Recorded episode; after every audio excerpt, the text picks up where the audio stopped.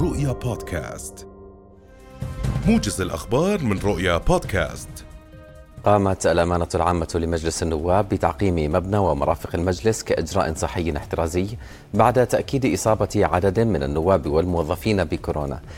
وكانت الأمانة العامة لمجلس النواب قد قالت إن تأجيل جلسة النواب الرقابية التي كانت مقررة يوم أمس جاء نتيجة التزايد الملحوظ لمصابي كورونا. قال عضو اللجنة الوطنية لمكافحة الأوبئة الدكتور بسام حجاوي إن معدلات التفشي في الأردن عالية ما تسبب بوصول عدد مرضى كورونا في المستشفيات إلى ألف مريض. واعتبر حجاوي أن لا جدوى من إجراء فحص كورونا السريع بشكل شخصي مبينا أن الدقة تكون أقل وغير معتمدة في حين تصل دقة فحص ال PCR إلى 80% اندلعت أعمال شغب في بلدة الصريح في محافظة إربد مساء يوم أمس بحسب مراسل رؤية. وقامت مجموعة من الأحداث بإشعال الإطارات عند إشارات بلدة الصريح محاولين قطع الشارع الرئيسي. وحضرت الأجهزة الأمنية إلى المكان لضمان استمرار الحركة المرورية وقامت كوادر الدفاع المدني بإطفاء الحرائق. أغلقت المؤسسة العامة للغذاء والدواء مستودعا يحوي عشرات الأطنان من المواد الغذائية ومستحضرات التجميل منتهية الصلاحية. وقال مدير عام المؤسسة الدكتور نزار مهدات إنه تم التلاعب بتواريخ الإنتاج والانتهاء للمواد المضبوطة لغايات إعادة تداولها في السوق المحلية وأحالت المؤسسة القائمين على المستودع إلى الجهات المختصة.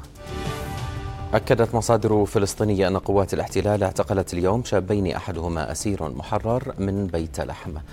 وأفادت المصادر بأن قوات الاحتلال الإسرائيلي اعتقلت الأسير المحرر مصطفى عطية ورامز اللحام. وفي وقت سابق اعتقلت قوات الاحتلال الإسرائيلي 35 مواطنا فلسطينيا خلال مداهمات نفذتها واقتحامات واسعة في الضفة الغربية المحتلة قبل يومين. قتل تسعة أشخاص على الأقل بينهم طفلان وامرأة اليوم خلال الإنزال الجوي الذي نفذته القوات الأمريكية الخاصة في شمال غرب سوريا وفق ما قال المرصد السوري لحقوق الإنسان.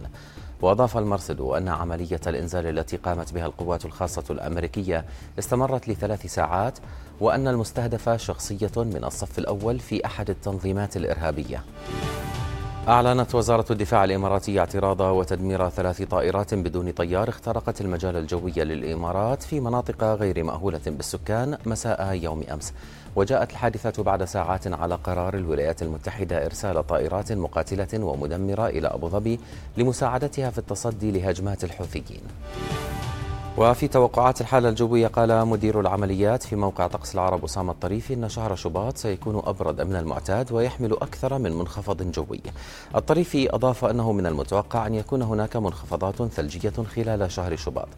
وبين الطريفي أن المرتفع الجوي الذي يؤثر على أوروبا يدفع كتلا هوائية قطبية نحو المنطقة.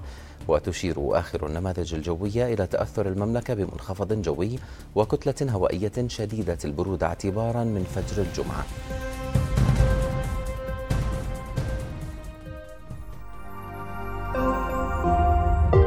رؤيا بودكاست.